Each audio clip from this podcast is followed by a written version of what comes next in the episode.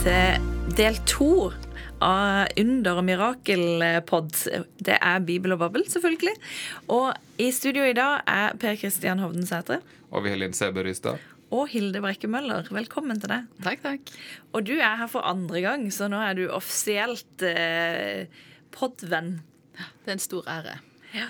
Eh, og vi gleder oss veldig. Vi skal snakke om, eh, om eh, Jesus som gikk på vannet. Eller gikk han på vannet? Eller vandra han på sjøen? Ja, det er i hvert fall 'vandre på sjøen', som, eh, som står på gresk. Så eh, Forrige gang så snakka vi om helbredelsesunder, og denne gangen er det sånn naturunder som er temaet. Er ikke det riktig? Ja, For da har jeg jo delt opp i de to hovedtypene under som vi finner i evangelia. For der har du ganske mange helbredelsesfortellinger. Og så er det noen under der Jesus driver ut eh, onde ånder. Men de fortellingene går litt over i helbredelsesfortellingene, så det er litt vanskelig å se forskjell på dem av og til. Så har du en egen liten kategori med fortellinger der Jesus vekker opp døde. Eh, men der er bare tre av dem. Eh, men de ligger litt mellom de ligger mellom helbredelsesunder og det vi kaller naturunder, som er der uh, iallfall vi med våre moderne øyne oppfatter at Jesus bryter naturlovene. Og Hilde, du eh, er mest opptatt av Jesus, men litt opptatt av under. Ja. Jeg er opptatt av Jesus og tekstene om Jesus, men òg Jesus som historisk person. Og særlig underfortellingene har jo vært en eh, litt sånn vanskelig kategori for historikerne å forholde seg til. Og etter hvert som tida har gått, så har mange klart å forholde seg ganske greit til eh, de helbredelsesfortellingene, og kanskje òg eh, de onde åndene klarer en å snakke greit om for tida. Men naturunderne har nok historikerne fortsatt ganske store problemer med, fordi de så tydelig bryter med den, det verdensbildet som vi har. da. Så det kommer vi til å komme innom i dag. Vi skal snakke først gjennom teksten, og så skal vi gå inn på litt forskjellige temaer underveis. Men hvis vi begynner da i teksten, det er Matteus 14, 22-34. Eh, og jeg tipper at de fleste har eh, enten vært med på å dramatisere den fortellinga eller hørt den fortalt mange ganger. Men det er da disiplene som er ute på vannet, eh, og så ser de et eller annet, blir redde, lurer på om det er et gjenferd. Det er det ikke, det er Jesus. Og Jesus går da mot dem og sier at de ikke skal være redde, og så går Peter ut og går på vannet og synker. Og blir redda. Og blir redda. Og så, når Peter kommer opp igjen i båten, da slutter det å blåse. Og alt blir bra. Eh, og, det jo, og dette her er jo Matteus sin variant av ei fortelling som finnes hos Markus og Johannes også. Men det, Matteus' fortelling den har jo denne her biten med Peter. Den er det ingen andre som har. Så den finnes bare i den versjonen som er i Matteus 14. Eh, Men eh, hva, hva kan vi Hvis vi går tettere inn på teksten, da, hva legger du merke til, Hilde? Jeg legger merke til det dere ikke sa i det hele tatt. Og det er hvordan teksten eh, slutter. Med at når vinden stilner og alt ser ut til å ha gått bra, så tilber de han og sier at eh, du er sannelig Guds sønn. Og det tenker jeg er et slags hint om hva fortellingen prøver å, eh, å illustrere. da. Og kanskje, etter min mening, det aller viktigste med fortellingen. Hvis du skal lese den historisk, altså som eh, eh, som en, den første lytteren til fortellingen kanskje ville lagt merke til. da. For der tenker jeg det som står på spill, er hvem er egentlig Jesus? Hvordan skal vi forstå han? Og så kommer svaret her sannelig Guds sønn. Ja, fordi at eh, De lurer jo på om det er et gjenferd eller om det er Jesus. Så Ja. fortellinga legger opp til en sånn eh, forvirring om hvem det er. Ja, for det er litt interessant at det, det er ikke noe Altså, det er et eller annet som er på vannet. Altså, det ligger, det ligger, det ligger i bunnen for fortellinga. De ser et eller annet, og så trenger det de ser, en eller annen form for forklaring. Og da er en Den ene forklaringa som blir presentert, er at det er et uh, gjenferd, eller et uh, fantasma, står det på gresk. Det er jo samme ord som du har i fantastisk og Tidligere oversettelse hadde hun spøkelse. Ja. 30-oversettelsen, tror jeg. Den som er med, i det- med i det landskapet. Og så alternativet er at det er Jesus. Og det får vi jo vite. Det er det jo etter hvert ingen som lurer på, ettersom du leser deg nedover.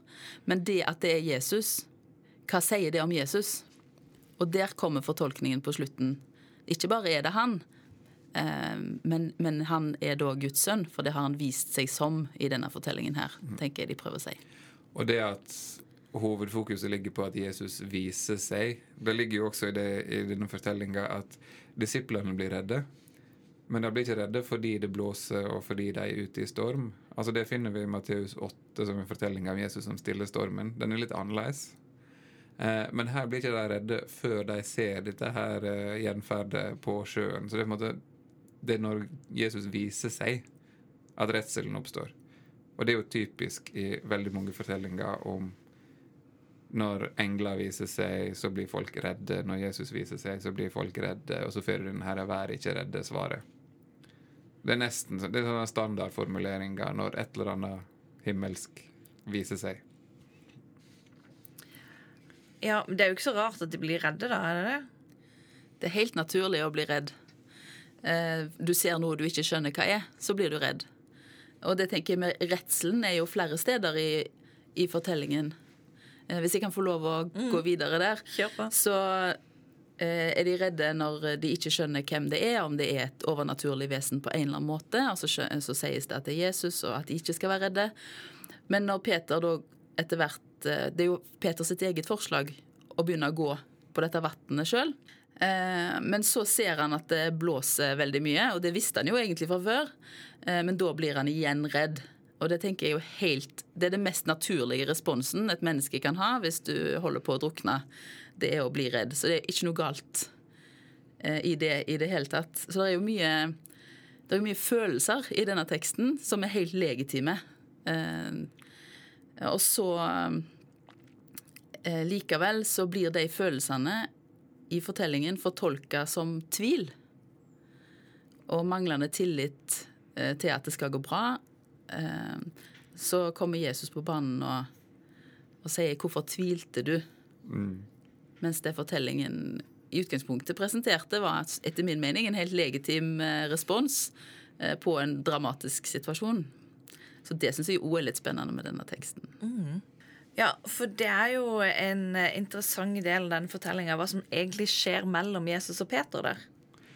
For der har du et eh, stykke drama, og jeg tenker at det er jo kanskje en grunn til å velge Matteus-versjonen av denne fortellinga framfor den andre, fordi du har den eh, interaksjonen mellom Jesus og Peter. Du har to karakterer som snakker sammen. og du har litt... Jeg har jo gjort det sjøl. Jeg husker jo jeg skulle jeg tror det var på grunnfag, vi hadde sånn fortellingsverksted og skulle velge hver vår fortelling. Så gikk jeg jo etter denne, og så gikk jeg til Matteus-versjonen. Og så fikk jeg kritikk av den læreren som på en måte skulle observere dette. her, at, eh, For jeg tok den helt ut med på en måte alle disse her bekjennelsen og tilbedelsen til Guds sønn. Og sånn, og så fikk jeg, og læreren var sånn Ja, men er nå det er helt historisk. Uh, og det, og, men, det, men, det, er sånn Matteus-fortellinga er. Uh, og den har den biten med Peter. Uh, og det er en ganske stor kontrast mellom dem, fordi Jesus blir jo framstilt som så utrolig rolig her. Ehm, det kommer ikke så godt fram i den norske teksten som i den greske. Men det står jo at jo når Jesus eh, kommer på vannet, så kommer han eh, gående. Eller det ordet som er brukt, betyr å vandre rundt. Rusle rundt. Det, liksom, det, er ikke det jeg har sett for meg når jeg har lest den fortellinga, at han vandrer rundt. Jeg har sett for meg en veldig målretta gange mot den båten. Ja, nei, men det er, et eller annet, det et eller annet med det som er fortalt. Altså I Markus' sin versjon av dette her, så står det jo også at det så ut som om Jesus skulle til å gå forbi. At, det, at det, den ideen om at Jesus gikk rett mot båten fordi de trengte hjelp, det, det er ikke helt i teksten. Og det står heller ingen plass at disiplene trenger hjelp. Nei, så slår en sammen litt de to fortellingene, da, tror du, om uh, Jesus som stiller stormen og Jesus som går på vannet? Jeg tror de flyter litt over i hverandre. Jeg tror de flytter over i hverandre i vår forståelse, men jeg tror òg kanskje de har flyttet litt over, hverandre, over i hverandre allerede før dette blir tekst i Matteusevangeliet. At det er noe med bilder, sånn sterke bilder som på en måte inni hodet på folk når vi husker at det sklir litt, og det er helt Helt naturlig. Det er noen elementer som er så like her. Men det jeg tror jeg i hvert fall ofte har, har sett for meg, er at eh, Jesus vil de noe. Men hvis du leser teksten veldig strengt, så er han bare på tur, han. Altså, de er på tur, han er på tur, og så 'Å ja, er du her', liksom. Bare at det var ikke så veldig positiv 'Å ja, er du her', Tone. Det var mer sånn 'Hjelp, hvem er dette?' Og så, og så sier han at det er han. Eh, Så det virker jo ikke som han, han skal noe spesielt. Og kontrasten er veldig stor mellom den dramatiske scenen som de er i, i båt, bølger som slår, og han som liksom er på søndagsturen sin, sånn som han pleier på. Kanskje ikke Ja. Det sies ikke så sterkt i, i fortellingen, men likevel tror jeg det tegnes opp en kontrast her som vi går litt glipp av når vi leser og har blitt så kjent med fortellingen. Da. Ja, for det er jo litt sånn Og, og det kommer vi tilbake til etterpå. Men altså, det er jo altså når Jesus går seg en tur ut på, ut på sjøen og på en måte svever over vannet litt sånn uforstyrra altså, Det handler jo om en måte en ofte beskriver Gud på. Som den som ikke kan forstyrres, som den som er på en måte ubevega av omstendighetene. Eh, Det er en del sånn greske måter å snakke om Gud på som, er, som legger vekt på at Gud er den som på en måte ikke lar seg påvirke. Men du var jo i skapelsesfortellingen nå, hørtes det ut som. Ja, Ja, det men eh, her, jeg sånn lurer på om her er litt Ja. sånn der skapelsesspråk også. Ja. Og det er jo et gammeltestamentlig motiv om Gud som kjemper mot kaos, eh, Mm. og en disse her som kaosmotiv. Uh, ja, og det er vel i Jobb 9-8 eller noe sånt. Iallfall på gresk står det at Gud er den som går på vannet. Og det er kanskje det eneste gammeltestamentlige forbildet for akkurat det vi finner. Og da handler det om Gud. Så Jesus er rolig og er på en eller annen slags eh, søndagstur mer enn en veldig målretta mission. det, det virker litt sånn. Og da er på en måte Peter en ganske skarp kontrast, fordi at han ser han er impulsiv, han reagerer med en gang. Han er sånn at 'Hvis det er deg, la meg gå ut på' Han får den ideen, han handler på den. Så han er lett påvirkelig, da. Mens Jesus er upåvirkelig. Ja, For Jesus legger ikke akkurat opp til at Peter skal ta det her initiativet. Nei. Nei. Men går det litt sånn inn i Peter, eh, sånn som vi ofte snakker om Peter? Eh, altså som en sånn impulsiv, eh, initiativrik, eh, opp og ned-fyr med mye følelser og mye liksom eh, eh, tro, og så går han på trynet, og så Eller? Jeg, jeg tenker jo at eh, det bildet av Peter kommer jo annet av sånne fortellinger som dette, og det er andre òg. Eh, og så syns jeg kanskje denne fortellingen er litt ekstra mye sånn, for av og til så er det Jesus først som har et slags initiativ, og så sier han ja, men Eller det ville aldri jeg gjort, eller det ville jeg gjort, eller eh, Mens her her kommer han på det av seg sjøl. Altså, det- troen og tilliten er jo ekstremt stor i hans initiativ. Eh, når han sier sånn Si at jeg skal komme ut til deg. Eh, men han går jo ikke ut eh, før han får eh, svaret fra Jesus som er 'kom'. Så han er jo ikke så impulsiv heller. Eller hva, hva skal han si? Legger jeg for mye i det? Jeg vet ikke. Nei, men det er For jeg tenker at du har rett i at det er kanskje andre fortellinger som er enda mer med på å prege bildet av Peter som impulsiv. Og da er det på en måte påskefortellinga og Jesus som, eh, Peter som sa at han skal aldri svike Jesus, eh, og enda opp med å fornekte han tre ganger. Jeg tenker at Det er sikkert den største og viktigste fortellinga, men så har du jo også sånn som i Matteus 16, eh, der Peter eh, nekter for at Jesus må, må dø. Og da måtte motarbeide han jo Jesu plan. Eh, der er han tydeligere motstander, og han blir jo kalt Satan, så det er jo et eller annet som skjer. Eh, men her er han kanskje mer sånn Her er han på nett med Jesus og prøver å Her viser han tru. Det, han er ikke, han er ikke mot Jesu plan på den måten som skjer i Matteus 16 her. Så han viser initiativ, men han, liksom ikke, han hopper jo ikke ut av båten, som du sier, før Jesus sier 'kom'. Eh, så det, det er noe initiativ der, men det er ikke helt sånn hodeløst, kanskje. Som man av og til blir portrettert som å være. Ja. Men så er jeg ikke helt sikker på hvordan det vil si altså, Men det er noe med det, det er impulsive og det er lett påvirkelige som er når han plutselig da igjen ser bølgene. For det er jo det som skjer, at det er da han blir redd og begynner å synke. Eh, og det er som Hilde sier, at det, det, det, det visste jeg jo fra før. At det var bølger da, ja. Ja, ja. Ja.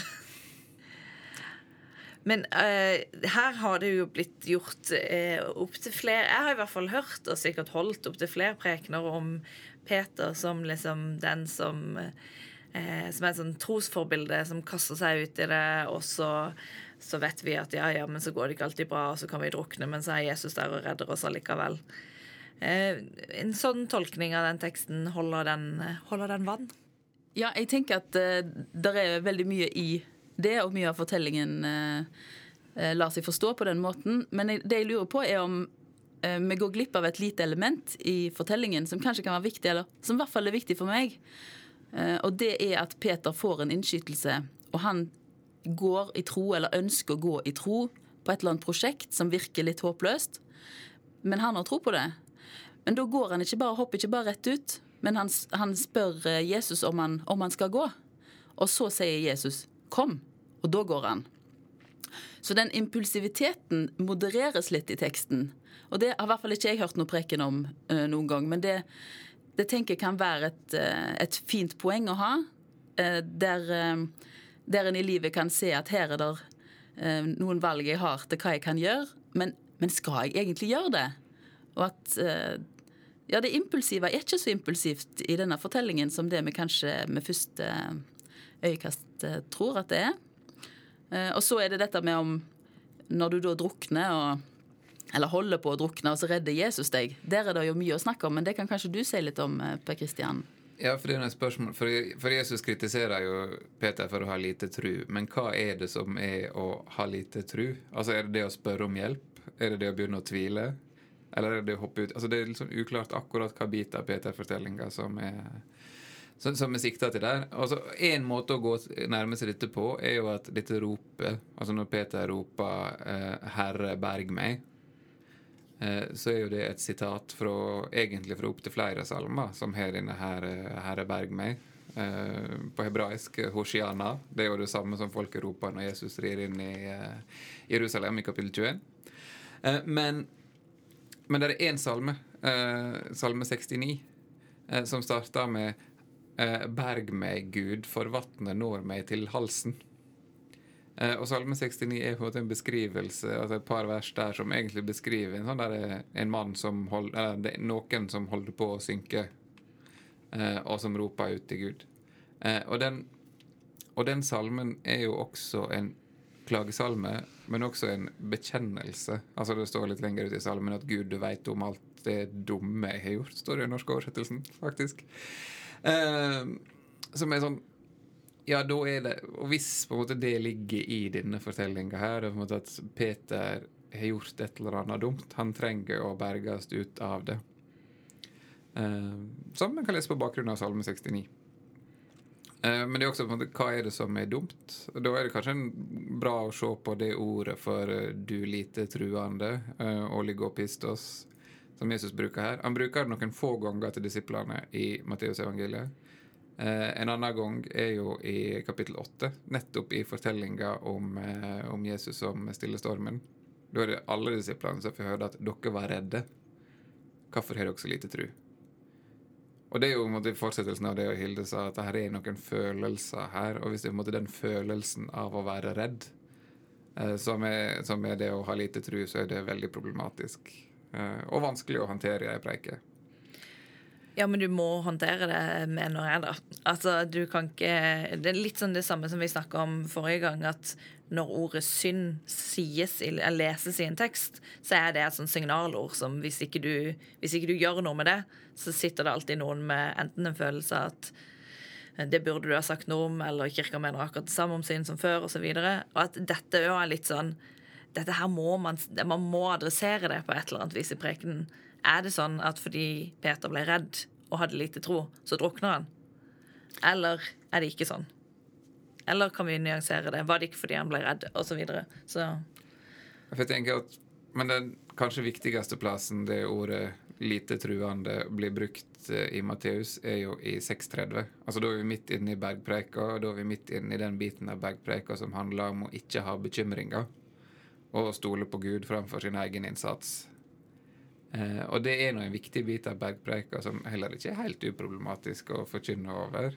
Eh, men eh, men at det, det, det, altså, det, er den biten av Jesu forkynning som slår inn her. At du skal ikke bekymre deg, du skal ha denne her tilliten som en blir oppfordra til å ha. Jeg tenker det er djupt problematisk hvis det går i retning av at eh, du ikke skal ta noen fornuftige forhåndsregler for livet ditt, og bare liksom eh, blindt følge etter hvilken innskytelse du måtte ha som du tror eh, er i en kristen retning. Eh, men det er virkelig en del sånne elementer i evangeliene. Og de kan gi mening hvis du tror at eh, endetida kommer om to dager. Da kan du leve sånn. Eh, men de fleste av oss forholder oss eh, som det kan være når som helst, men det kan òg være veldig lenge til. Eh, og da, eh, da tenker jeg at en forkynnelse som bygger opp under en slags hvor mye tro du har, eh, blir sett opp mot hvor godt det går med deg, det er problematisk. Eller eh, du må leve eh, på en måte der du ikke trenger å ta ansvar for ditt eget liv, fordi Gud kommer til å ta ansvar for deg til slutt uansett. Det blir problematisk. Så denne teksten rører jo bort i noen sånne ekstremer som jeg, som jeg er veldig engstelig for. At, at, vi signaliserer i måten vi snakker om en tekst på, da. Eller, eller signaliserer fordi vi ikke snakker om det når teksten kommer opp. Så det er jeg veldig glad for at du òg sa, Linn. Men kan jeg si noe som, som, som slår meg veldig i den spørsmålet om hva var tvilen her? For, for egentlig, apropos eh, Peter som ideal, så syns jeg han er et ideal på denne måten at når han begynner å synke, så roper han 'Herre, berg meg'. Og det er jo det beste idealet av de alle. Er det ikke det at når du, når du føler du Nå går det galt her, så henvender han seg til Jesus. Eh, det, det må vel være et forbilde, tenker jeg, eh, i denne teksten. Og så får han hjelp. Da retter Jesus ut hånda. Eh, men så får han kjeft òg. Og det på en måte altså Vi skal vise tilbake til forrige episode, og nå tar vi opp dette her på mandag, så preiketekster fra i går om Bartimeus At i de underfortellingene der så er det jo det å faktisk be om hjelp. Å komme til Jesus når du har noe som plager deg. Det er det som er tru. Mm. Eh, men her gjør Peter akkurat det samme og får høre at han er lite truende. Mm. Eh, der er et eh, paradoks der. Men forventer Jesus mer av Peter, da, tror du? Og mer av disiplene enn han gjør av alle andre? Ja, ja gøy å svare ja, og så er vi ferdig med problemet. ja. ja, på en måte. Men jeg tror på en måte, hvis du skal ta inn det bergpreik-perspektivet her, så er det jo på en måte disse bekymringene, den manglende tilliten som ligger når han blir redd. Mens responsen på det, og den bønna om hjelp, den må jo nødvendigvis, hvis du ser det sammen med andre, det andre under fortellingen der Jesus hjelper, den må jo bli vurdert positivt. Mm. Eh, jeg kan ikke skjønne det på noen annen måte. Jeg tenker det er logisk at hvorfor tvilte du, du like, lite troende? Begge de to elementene hører til det at han begynte å synke. Mm. Det er den klassiske lesningen som, en, som mange har prekt over før. Eh, og det er helt legitimt. Det er tenker den mest sannsynlige bakgrunnen på en eller annen måte. Det er de tingene som henger sammen. Ja, det ville vært absurd å si du, du ropte om hjelp, så lite troende du er. Altså, mm. Det går ikke opp.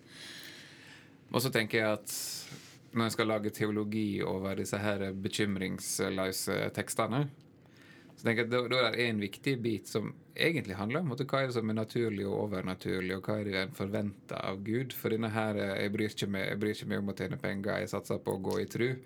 Da forventer han jo en, en sånn der unormal utafor hverdagen berging hele veien. Så på en måte det Gud gjør, alltid er overnaturlig. Og du har på en måte delt virkeligheten. En sånn der, Dette er den virkelige normale biten som Gud ikke har noe med å gjøre, og så har vi den her andre sfæra som er overnaturlig, der Gud er.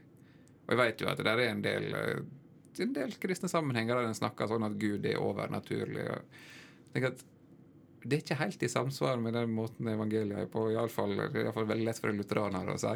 Ja, for samtidig så vil jeg som Hvis jeg skal lese teksten som historiker og prøve å tenke den historiske personen Jesus, hva var det han gikk rundt uh, og sa?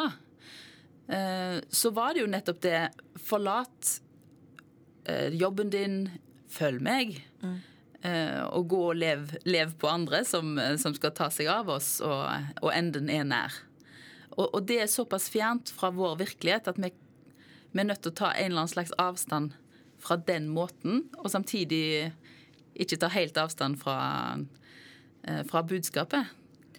Men jeg tenker jo at den eh, erfaringa Peter gjør av å ha veldig tro på noe, gå en runde, tenke jo, jo, jeg satser på det her, og så allikevel at, ikke det, at ikke det går sånn som man hadde tenkt. og så spør om hjelp, og så blir redda, og så kanskje får litt kjeft. Det er det jo noen som kan kjenne seg igjen i. Det er Det er, jo mange som kan kjenne seg igjen i. Ja. Og så tenker jeg også at i Matteusevangeliet så fungerer jo apostlene, og kanskje særlig Peter, som et bilde på den menigheten som kom seinere. Altså Der er noe som er måte fra evangeliet i samtid, hvordan vi måtte respondere dette fellesskapet som får dette evangeliet på forfølgelser, f.eks. Stoler de fortsatt på Jesus? Eh, Blir de urolige? Synker de? Roper de om hjelp? Altså, vi er over i de ting. Altså, det er en del ting i denne fortellinga som gjør at det, det, ligner, det minner litt om en billedfortelling som handler om sånne ting. Da. Ja, Så da sier du egentlig at det ligner kanskje mest på et eventyr? Ja og nei. Uh, men, uh, men en fortelling som prøver å fortelle noe som ligger utafor fortellinga Eller det er litt sånn tullete. Men uh, at her er så mange ting som skjer i denne fortellinga på tekstnivå. Eh, her er så mange referanser til andre ting som er litt sånn Det er nesten som det ikke er så viktig om det egentlig har skjedd eller ikke. Ja, så har det skjedd, Hilde? Er det viktig? Ja, det er, to, det er to veldig forskjellige spørsmål om det har skjedd, eller om det er viktig.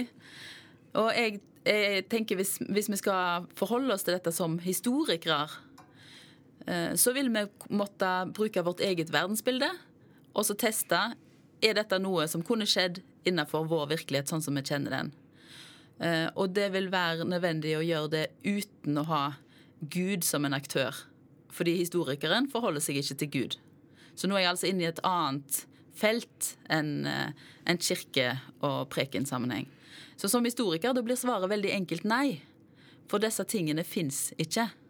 Det å gå på vannet eksisterer ikke som noe vi eh, har noe erfaring med sjøl. Og derfor vil historikeren veldig enkelt si nei. Men det betyr jo ikke nødvendigvis at det ikke er viktig, eller det betyr jo heller ikke at det ikke kan ha skjedd, fordi i kirka så finnes jo Gud som en aktør.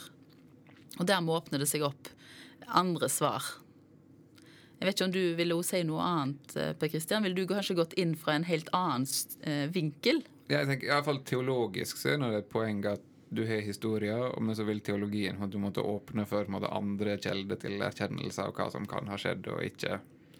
Og da er det jo en mulighet at Jesus er gått på vannet. Men hvis jeg skal tenke litterært, og måtte se på sjangeren til denne fortellinga, eh, så er det eh, Matteus skiller seg kanskje fra noen av de andre evangeliene ved at han har en del fortellinger som er, der det er veldig mye tolkning av Det gamle testamentet. Eh, og så de fortellingene har samtidig lite nedslag i andre kilder. Der det er måte det er ting som Matteus er alene om. Altså Si f.eks. fortellinga om vismennene eh, og, og Den hellige familie som flykta til Egypt. Det er det bare Matteus som skriver om. Eh, og det er ingen andre som på en måte veit noe om det, bortsett fra når de på en måte refererer til Matteus. Eh, så har du en sånn ting som at Matteus forteller at da Jesus ble korsfesta, så åpna gravene i Jerusalem seg, og de døde steg ut. Det er det ingen andre skrifter i Nytestamentet som nevner. Eh, det er ingen andre tekster utafor som nevner at det har skjedd. Eh, og en hadde liksom forventa at det hadde hatt At noen hadde sett det, og at noen hadde tenkt at dette var litt viktig å skrive om utafor Matteus. Eh, og så har du sånne ting som at eh, Matteus, i Matteus 21 så skriver han at eh, når Jesus rir inn i Jerusalem, så rir han på to esel på en gang. Det nevnte vi kanskje i eselepisoden vår. Jeg tror vi gjorde det. Og det er sånne ting Altså, Er det meninga at alle disse tingene her skal bli lest bokstavelig? For de minner jo om andre jødiske tolkninger, som, andre jødiske fortellinger som også først og fremst utlegger tekst. Som har noen gammeltestamentlige forbilder og prøver å si noe ut ifra dem og aktualisere dem. Eh, men ikke, kan, kanskje ikke meint å være historiske sånn, som sjanger. Altså Seinere i den kristne litteraturen så er jo en del skrifter som er veldig tydelige sånn. Altså Du har jo Thomas' barndomsevangelium som forteller seg historien om Jesus som liten gutt som laga noen fugler av leire, og, eh, og så gjorde han dem levende. Eh, Eller du har Jakobs evangelie som forteller ganske mye rundt Jesu fødsel, som også er åpenbart sånn der legendedannelse, men som likevel forteller noe viktig. Og dette er en av de fortellingene i Matteus der jeg tenker at er det den type skriving som er her? Jeg tror det er viktig å, å forstå eh, hva for et historiesyn som eh, de kan synes å ha hatt på denne tida som evangeliet ble skrevet, som ikke er det samme som historiesynet vårt. Eh, der vi vil tenke at hvis du skal ha noe med i en eh, historiebok, så må alle som har vært til stede, være ganske enige om at det skjedde omtrent akkurat sånn. Eh, mens det kan se ut som at disse fortellingene er mer Eller evangeliene er mer skrift som, som, skal si en del viktige ting, og som bruker ulike verktøy for å få sagt og satt ord på det de syns var viktig. Og om folk som var til stede, hadde opplevd det sånn eller sånn, er underordna, da. Eh, men eh, det kan jo være eksempler kanskje fra i dag hvor vi gjør noe av det samme. Jeg vil tenke det er, er en sånn diskusjon som dukker opp hver gang det har kommet en historisk film på kino. Så er det alltid noen sånne tullinger som går ut i et eller annet kommentarfelt og på en måte skriker opp at ja, men det skjedde ikke akkurat sånn. Men så har likevel filmskaperne valgt å fortelle det. Jeg syns uh, den serien om dronning Elisabeth, uh, The Crown, er veldig interessant på den måten. For at dronning Elisabeth hun har aldri sagt noe, hun har aldri fortalt noe om sitt perspektiv på, disse, på de hendelsene i livet sitt offentlig. Hun har hatt en annen tale, men sånn. Men den serien viser hva som foregår i, i kulissene. Eh, men ingen av de samtalene som blir vist, ingen, veldig få av de hendelsene som, eh, som blir vist, veit vi har skjedd. Men en forestiller seg at det har skjedd, og så forteller de historien om Elisabeth eh, og familien som Ja, er den sann? Ja, og Da aksepterer vi liksom at muligens det ikke var akkurat sånn eller sånn, men det overordna budskapet, eller det kommer plausibelt ut og kanskje sier oss noe, eller skaper en dypere forståelse i oss for i hvert fall det vi tror er, er hun. Ja. Og, det, og i The Crown, altså en del av de grepene som uh, historiefortellerne gjør der, altså de jukser litt med kronologien og på en måte flytter en hendelse opp fram samtidig med den andre for at disse tingene skal kaste lys over hverandre og sånn det er sånne grep som Det har vi sett før. Som evangelia og den bibelske litteraturen driver med hele tida. Jeg er jo enig i alt dette her. Det er kjempespennende. Det som jeg ser for meg kanskje noen av lytterne våre tenker på, er jo da Men eh, dette her kan jo ikke snakke med barn eh, på fem til seks om. Eh, og da tenker jeg at det tror jeg faktisk kanskje man tar litt feil i. Altså at jeg, jeg tror at en undervurderer barna litt hvis en alltid tenker at Eh, det skal være en sånn glidende overgang fra bibelteksten til oss, og at en alltid presenterer bibeltekstene som sanne i betydning av historiske. Fordi at uh, dette går litt inn på bibelsyn, og sånn, men det går jo an å presentere noe som sant uten at det nødvendigvis har skjedd akkurat sånn. Uh, og at de bibelske fortellingene ofte forteller oss noe sant om Gud, noe sant om mennesker, uten at det nødvendigvis var sånn akkurat sånn det skjedde historisk sett. Eh, så det er jo en homiletisk utfordring. Og det er en enda større utfordring når du skal snakke med barn eller ungdom. Ungdom kanskje ikke så vanskelig. Da, kan, da kan man sette på The Crown, og så kan man snakke litt om liksom, eh, forholdet mellom historisitet og sannhet. Eh, og jeg tror at en kan tørre å gjøre det for barn som er ganske mye yngre òg. Altså at de skjønner at noe er en fortelling, og at det kan allikevel være sant.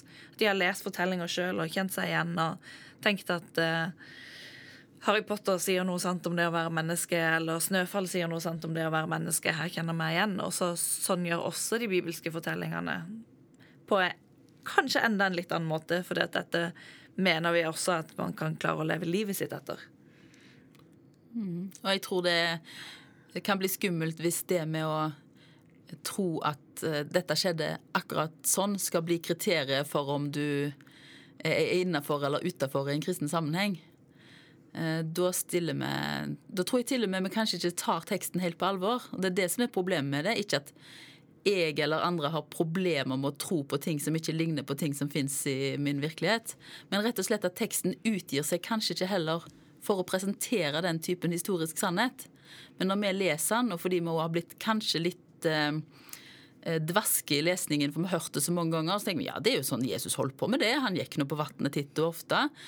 Eh, så bare tar vi det som om, som om fortellingen prøver å si at det skjedde historisk på den måten. Men jeg syns når vi har begynt å grave i de gammeltestamentlige forbildene her, eh, så, så signaliserer fortellingen at denne fortellingen har et budskap, først og fremst, og ikke er en historiefortelling primært. Og det snakka vi om i forberedelsen til dine episoder, Hilda, at det kan faktisk hende at den norske oversettelsen dekker til litt av dette her mm. billedfortellingpreget. Eh, fordi at den oversetterne har, har en sånn idé om at dette er en fortelling om det som faktisk skjedde, Jesus, skjedde med Jesus. Altså Et eksempel er jo det som står om denne her båten i bølgene. På gresk så står det at den båten var plaga av bølgene. Altså jeg vet, det, jeg vet, ikke om det, er et vanlig uttrykk eller ikke på gresk, men det er ikke så farlig. fordi det Men det samme uttrykket Jesus bruker, nei, Matteus bruker når han skriver om de som ber om helbredelse, som er plaga av en sykdom eller er plaga av ei ond ånd. Og det er sånne ting som da, da, kobler du på en måte, Da handler det her om Jesu krefter mot disse her onde motkreftene i verden. Om det da er havet eller demonene eller sykdommene. Eh, men på norsk så har jeg valgt å oversette at båten kjemper i bølgene, fordi den oversettelsen er for så vidt helt legitim, men den gir mening hvis dette er en realistisk fortelling. Mm. Eh, sånn at oversetterne har bestemt seg for hva slags sjangerfortelling er dette først, og så oversetter du deretter. Men hvis du, hvis du hadde bestemt deg for at dette er billedfortelling, så hadde en kanskje oversatt litt annerledes. Mm. Men det er ganske mye lesekompetanse som skal til da, før en eh, oppdager de tingene, kanskje? Ja, jeg tenker jo at eh, de, de, færreste av oss eh, sitter og jobber sånn eh, med en tekst. Det er vel derfor denne podkasten òg fins, så en skal slippe det. Ehm, men, eh, men en går jo da glipp av kanskje å avsløre eh, noe av den de hintene som ligger i den greske fortellingen. Og en ser kanskje ikke så tydelig kontrasten mellom den eh, båten som er plaga av onde ånder, hadde jeg nesten sagt, for å, å oversette det en overtydelig, eh, og til den eh, Jesus som eh, er ute på turen sin og helt rolig og fint går rundt der, eh, tilsynelatende, da. Mm.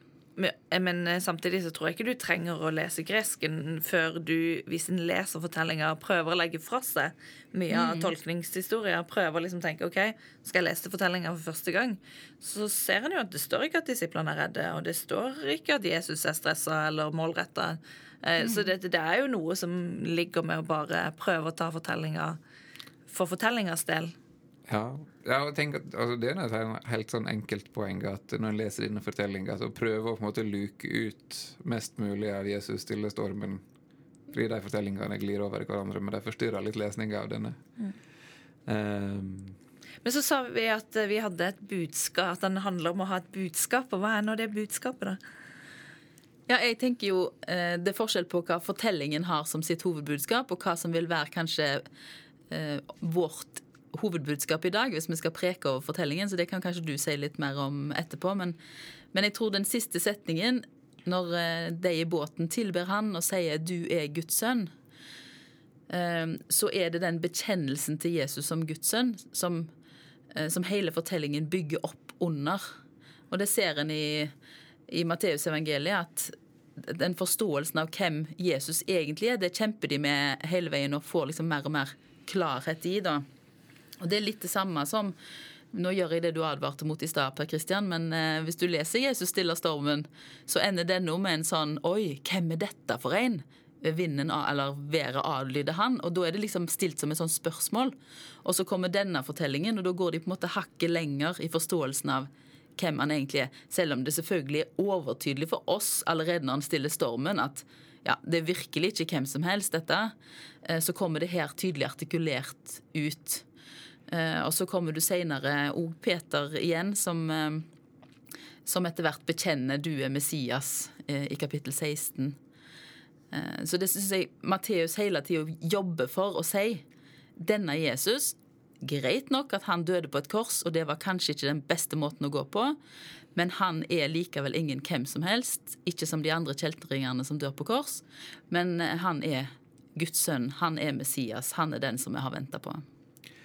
Og da tenker jeg at altså Ut ifra det du sier, Hilde, så er det noe med når en leser disse tekstene altså Særlig når jeg får representert i ei tekstbok, eller sånn denne søndagen skal vi snakke om dine tekster, at en da river dem ut av evangeliesammenhengen. Og i evangeliet, og kanskje særlig i Matteus og Lukas, så er det jo en progresjon.